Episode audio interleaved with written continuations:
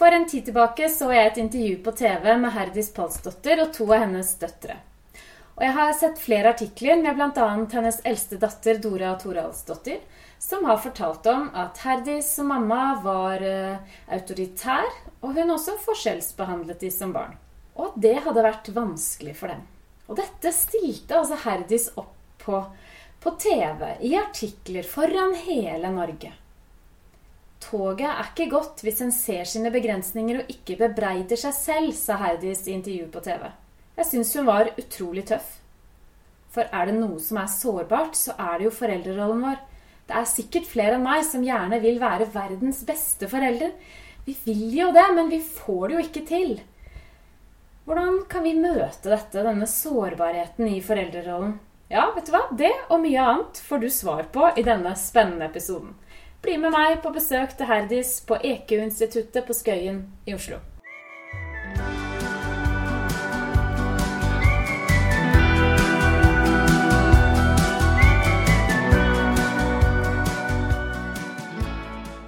Så dette her som vi tilbyr, det er det behov for i dagens samfunn.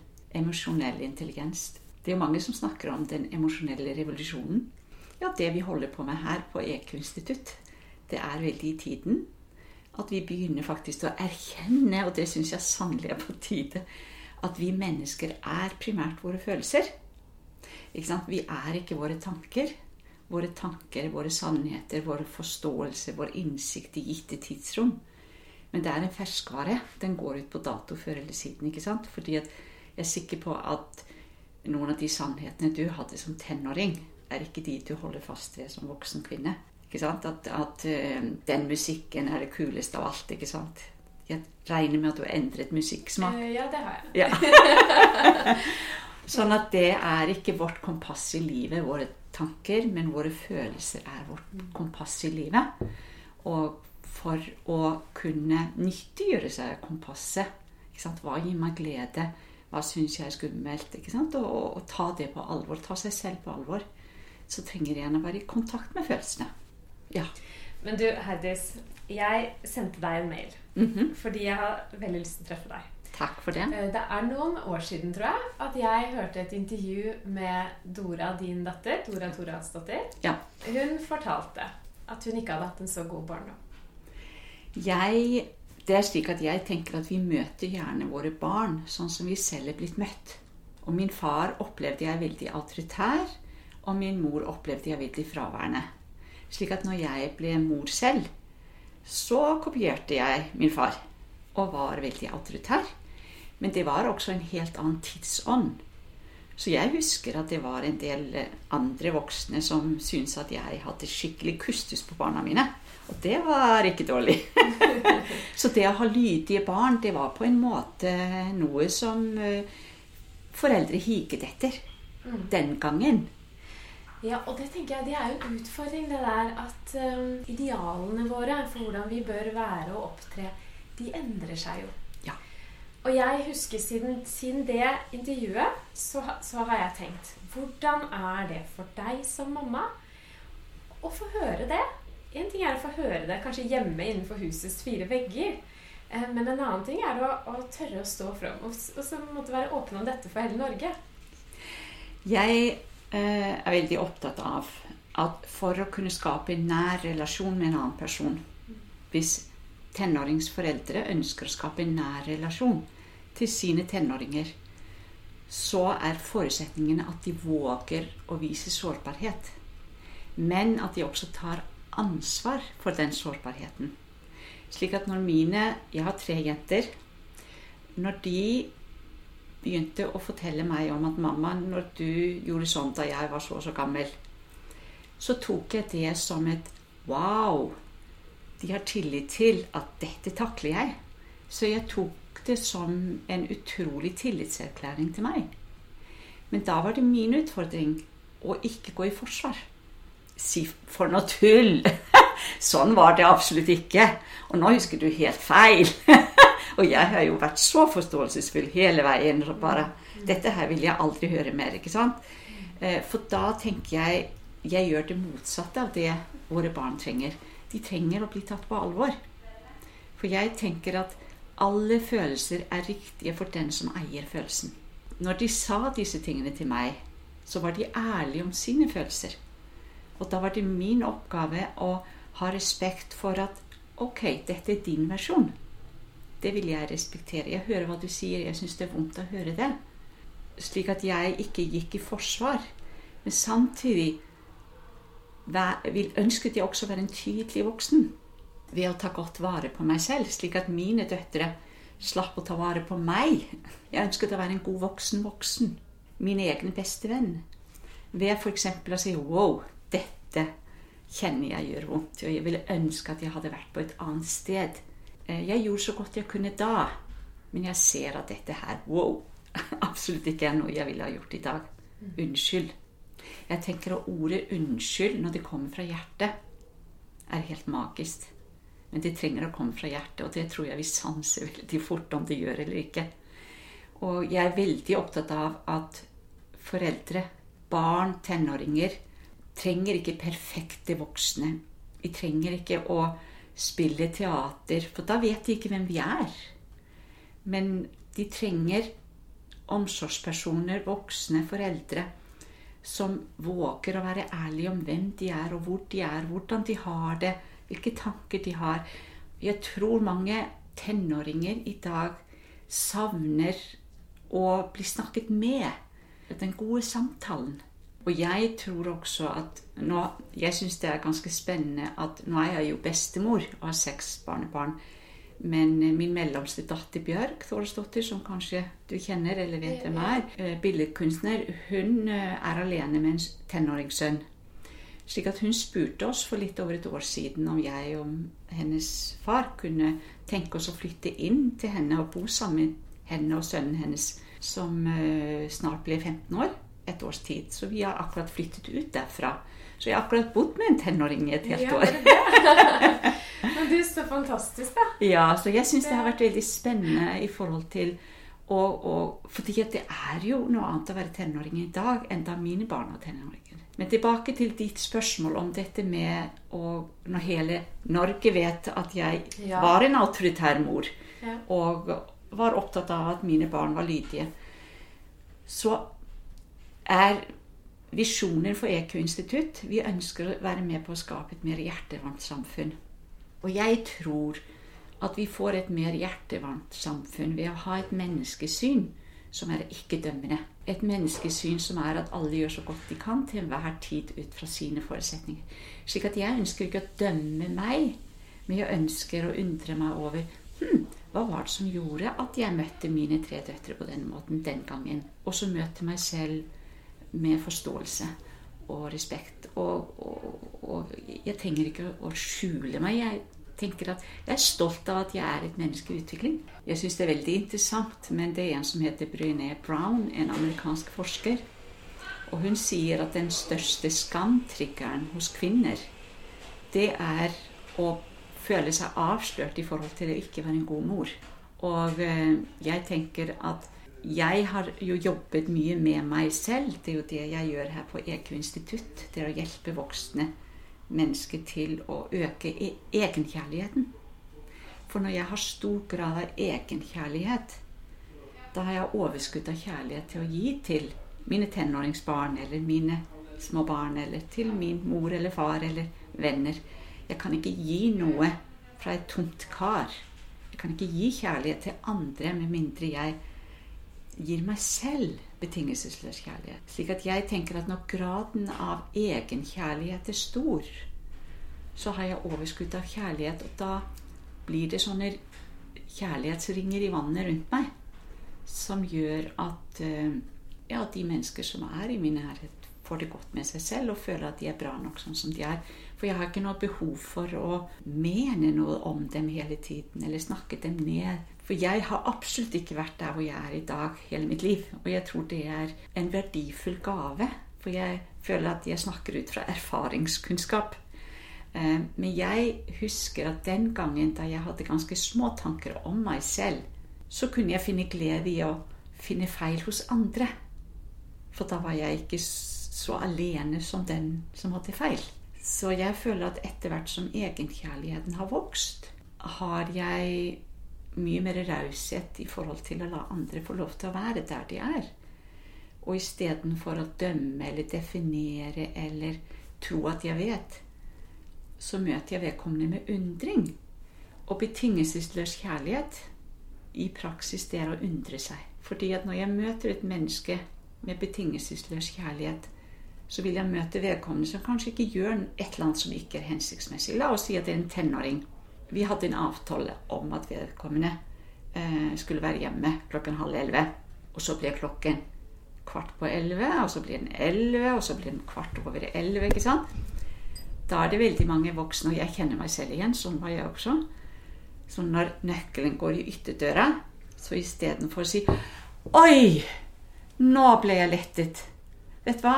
Jeg elsket deg så høyt at nå har jeg Jeg klarte ikke å sove. Jeg var helt fra meg. Jeg har vært så redd for hva som Jeg var så redd for at noe hadde hendt. Men det som ofte skjer, dessverre, det er at den voksne møter denne tenåringen som kommer hjem altfor sent, med 'Hvordan kunne du gjøre noe sånt?' ikke sant? Og vedkommende er sint.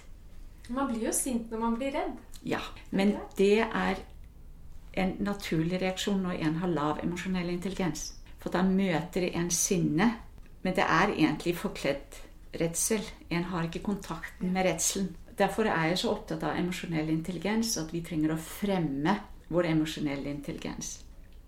Og når jeg sier emosjonell intelligens, så tenker jeg at vi har fem grunnfølelser. Eh, glede, sinne, lyst, sorg og frykt. Og én ting er å ha kontakt med disse følelsene, men så er det også å kunne møte disse følelsene på en hensiktsmessig måte. Ikke sant? Sånn som denne her tenåringsmammaen eller pappaen som venter på tenåringen som kommer tre kvarter, eller hva det nå er, over avtalt tid sent på kvelden. En tenåringsforelder da som har lav emosjonell intelligens, kan reagere med sinne. Mens et tenåringsforeldre med stor grad av emosjonell intelligens vil gjenkjenne 'Oi, jeg er jo redd', og si til tenåringen 'Jeg ble så redd når du kom altfor sent', og så merker jeg at jeg også er sint. Ikke sant? Men vedkommende tenåringsforeldre vil ikke halshugge tenåringen. For det gjør noe med relasjonen. Så det er ikke hva du gjør, men hvordan du gjør det. Mm. Om det blir en nær, kjærlig og sliterelasjon, sterk relasjon eller ikke.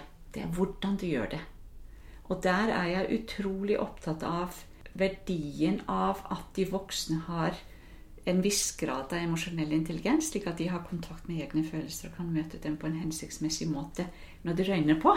Det andre det er å, å bruke personlig språk. Hvis tenåringen gjør noe som jeg ikke er fornøyd med, så vil personlig språk være å begynne setningen med 'jeg'. Istedenfor 'mann'? Du eller? eller, vi. Mm.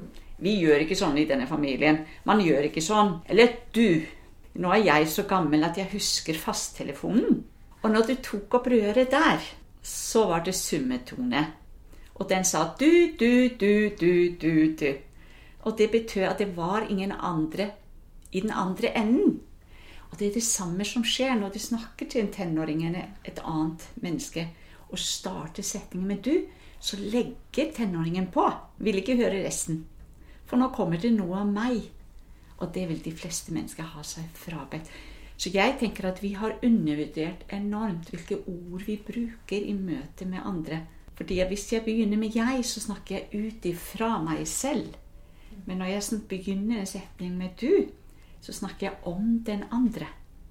Og bare det lille der tror jeg Hvis tenåringsforeldre går inn for å snakke personlig språk og begynne med jeg-budskap, snakke ut ifra seg selv i møte med tenåringen, sånn som f.eks. det eksempelet at tenåringen kommer tre kvarter etter avtalt tid så si 'Jeg har sittet her i tre kvarter og ventet på deg', og jeg har kjent på både frykt og redsel og sinne. Og lurer på 'Hvor har du vært? Hva har skjedd? Hva er grunnen til at du kommer så sent?' Så jeg er overbevist om at tenåringen vil svare på en helt annen måte enn hvis det hadde vært et sånt du-budskap. Mm. Det er enkle ting. Det er så enkelt. Ja. Og gjør et hav av forskjell. Mm. Så jeg ville ønske at jeg hadde kunnet det den gangen da jeg var tenåringsmor. Ja, og det er akkurat det jeg var litt opptatt av. Liksom tilbake til det i begynnelsen, det med at man har gjort, har gjort noe som man ikke er stolt av, eller man tenker at det kunne vært gjort på en bedre måte. Nettopp fordi at at disse trendene eh, Jeg vet ikke om jeg kan kalle det trender heller, men at kunnskapen øker, kanskje. Foreldre gjør ting på en annen måte Ja. enn det vi gjorde tidligere. Og da sitter det mange der med en sånn, med en sånn sår følelse. Og da tenker jeg at det er så viktig å ta den sårfølelsen på alvor. Og kanskje snakke med tenåringen. Men hvis du tar opp at jeg kjenner på en utrolig sorg over at jeg møtte deg sånn eller slik, eller gjorde det eller det da du var tre år, fem år, hva det nå er. Jeg kjenner på en enorm sorg. Hvis du tar det opp, så er det på en måte en sånn minussetning. Eller minusbudskap. Da blir det utrolig viktig å sette på et plussbudskap. Vil si å ta ansvar for det. Jeg kjenner på en enorm sorg over at jeg møtte deg sånn og slik da du var liten. Derfor har jeg behov for å ta det opp med deg nå, og så vil jeg jobbe med å tilgi meg selv. For jeg vet at jeg gjorde så godt jeg kunne den gangen, og jeg er takknemlig for at jeg forstår mye mer i dag enn jeg gjorde den gangen. At du tar ansvar for det som skjedde, og ikke For ellers kan du komme i skade for å plassere problemet hos tenåringen din. Og det tenker jeg det er en fare. Og jeg tenker at det er en del tenåringer også som kanskje ikke tør å si til sine foreldre at de opplever måten de blir møtt på, ikke som noe god. Og så blir de kanskje engstelige for å si det nettopp fordi at jeg tenker at mange barn og tenåringer de tar et ganske stor grad av ansvar for sine foreldre også. De blir redde for å såre dem. Jeg har jo jobbet nå som terapeut i 18 år, og jeg opplever at det er nettopp det barn og tenåringer gjør. Eh, Selv om det ikke ser sånn ut, for ofte blir det en veldig sånn kryptisk væremåte. Eh, Men de gjør så godt de kan. Når de f.eks. avviser en mamma eller avviser en pappa, så er det mer kanskje for å beskytte seg selv og beskytte foreldren. For dette fungerer jo ikke. Vår relasjon er ikke sånn som jeg ville ønske at den var. Så nå bare stenger jeg meg inne på rommet mitt. For da slipper du å forholde deg til meg, og så slipper jeg å forholde meg til deg. ikke sant? Og det syns jeg er utrolig trist. Og eh, jeg kan nevne ett eksempel hvor det var en som var veldig fortvilt over at hennes tenåringssønn han var mer eller mindre bare inne på rommet sitt og holdt på med spill og sine ting. Og hun var ganske fortvilt, for hun følte at, eh, at de levde ved siden av hverandre under samme tak. Og Det er jo en stor sorg for en mamma. Det hun valgte å gjøre, det var å ta det voksne lederansvaret. Det var å ta på alvor at det er min jobb som voksen å lede an. Hun tenkte at jeg ønsker å skape en nær relasjon til min sønn. Han gjør så godt han kan. Så det hun begynte å gjøre, det var at hver kveld så gikk hun inn til han, og så tok hun på han. På overarmen eller ryggen eller Det var ikke noe sånt klem, for det visste hun at de var ikke der. Men hun tok på han, og så sa hun 'God natt, gutten min', eller noe som For jeg tror det er så viktig at det kommer fra hjertet. Og en ikke sier noe som en har hørt fra en annen person, men noe som er naturlig for en selv, og at en begynner der en er i relasjonen. Så hun sa noe sånt som 'God natt, gutten min', og så tok hun på han. Og så merket hun at for hver kveld hun gjorde dette her, så fikk hun lov til å ta mer på han, eller lengre tid. Og han begynte å se opp. Og da var hun opptatt av øyekontakt, for øyekontakt er magisk, tenker jeg. For det er jo et sjelsmøte. Så hun begynte å se han i øynene og 'God natt, gutten min, elsker deg'. Og så ble det mer og mer. Og sånn fikk hun han ut av rommet. For en vakker historie. Det er så nydelig, men det er så viktig at en gjør det i sitt tempo, på sin måte, og at det er fra hjertet, og det er ekte vare. For det sanser ungdommen. Oi, nå har du gått på kurs, nå har du lært noe. ikke sant? Det er så viktig at det ikke er der. At en ikke går på akkord med seg selv, gjør noe som en egentlig ikke har lyst til å gjøre, men som en har hørt at er lurt å gjøre. Og så er det nok et eksempel på at det ikke er de store tingene og de enormt store endringene, men det er de små, små tingene som handler om ord. Tørre å være nær, selv om de kommer i tenårene. Men du, liksom mot slutten nå, Heidis. Ja. Hvordan kan man hvordan kan man praktisere egenkjærlighet sånn, helt sånn i praksis? Hvordan kan man gjøre det i hverdagen? Jeg tenker at egenkjærlighet er f.eks. å bruke personlig språk. Snakke jeg. Begynne setningene med 'jeg'. Fordi at da inviterer du deg selv inn i livet ditt. Jeg tenker, jeg opplever, jeg synes, jeg føler. Jeg kan ikke fullføre den setningen med mindre jeg er innom meg selv og tenker 'ja, hva føler jeg nå? Hva tenker jeg nå? Hva syns jeg om dette her?' Så jeg tenker at det er absolutt egenkjærlighet. Og det er ganske interessant. Men vi har vel alle sammen opplevd, tenker jeg, barn når de kommer sånn i to og et halvt, treårsalderen, så kommer de i en alder som vi har kalt for trassalderen. Hvor de begynner å si 'Jeg vil, jeg vil ikke, nei'. Og det er ganske interessant, men over hele kloden så begynner barn med dette her når de er ca. to og et halvt, tre år, og sier 'jeg ditten' og 'jeg datten'. Og så har vi kalt det trassalder.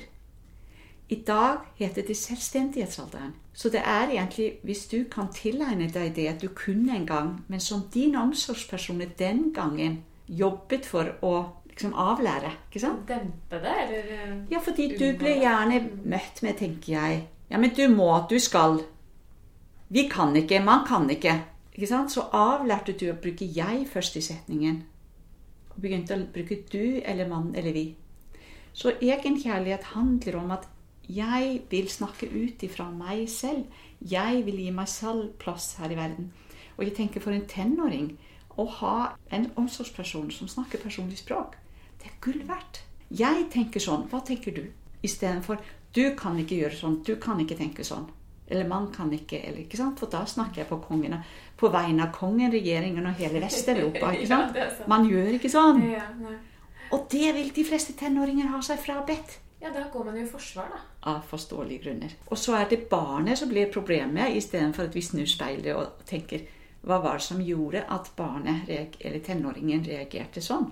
Og der tenker jeg at jeg unner alle voksne å hente tilbake den jeg-en som han eller hun kun en gang i tiden, men ble avlært. Det tenker jeg nok en gang Aris, ikke trenger å være så vanskelig. Nei! Det handler faktisk bare om å endre det ordet. Men min erfaring er at det tar ca. 7-12 år. Ja, ja. Ja, fordi det andre er på autopiloten. Ja. Og min erfaring er at Men jeg husker da jeg jobbet med det, så skrev jeg 'jeg' på sånn A4-lapper og limte rundt omkring i heimen eh, som en sånn visuell påminnelse. Og da går det mye kjappere. Og hvis en har en annen voksen person som er med ikke sant, og hjelper For jeg hører jo ikke meg selv, men hjelper meg f.eks. når jeg glemmer meg bort. Eh, og vi har en avtale om det, at vi kan kanskje gi et lite tegn, thumbs up. Så går det jo raskere enn når en har det prosjektet alene. Men det er en stor gave til våre barn, partner, hvem det måtte være, å snakke personlig språk og starte setninger med 'jeg'. Jeg er dessverre bare meg, jeg er bare pappa.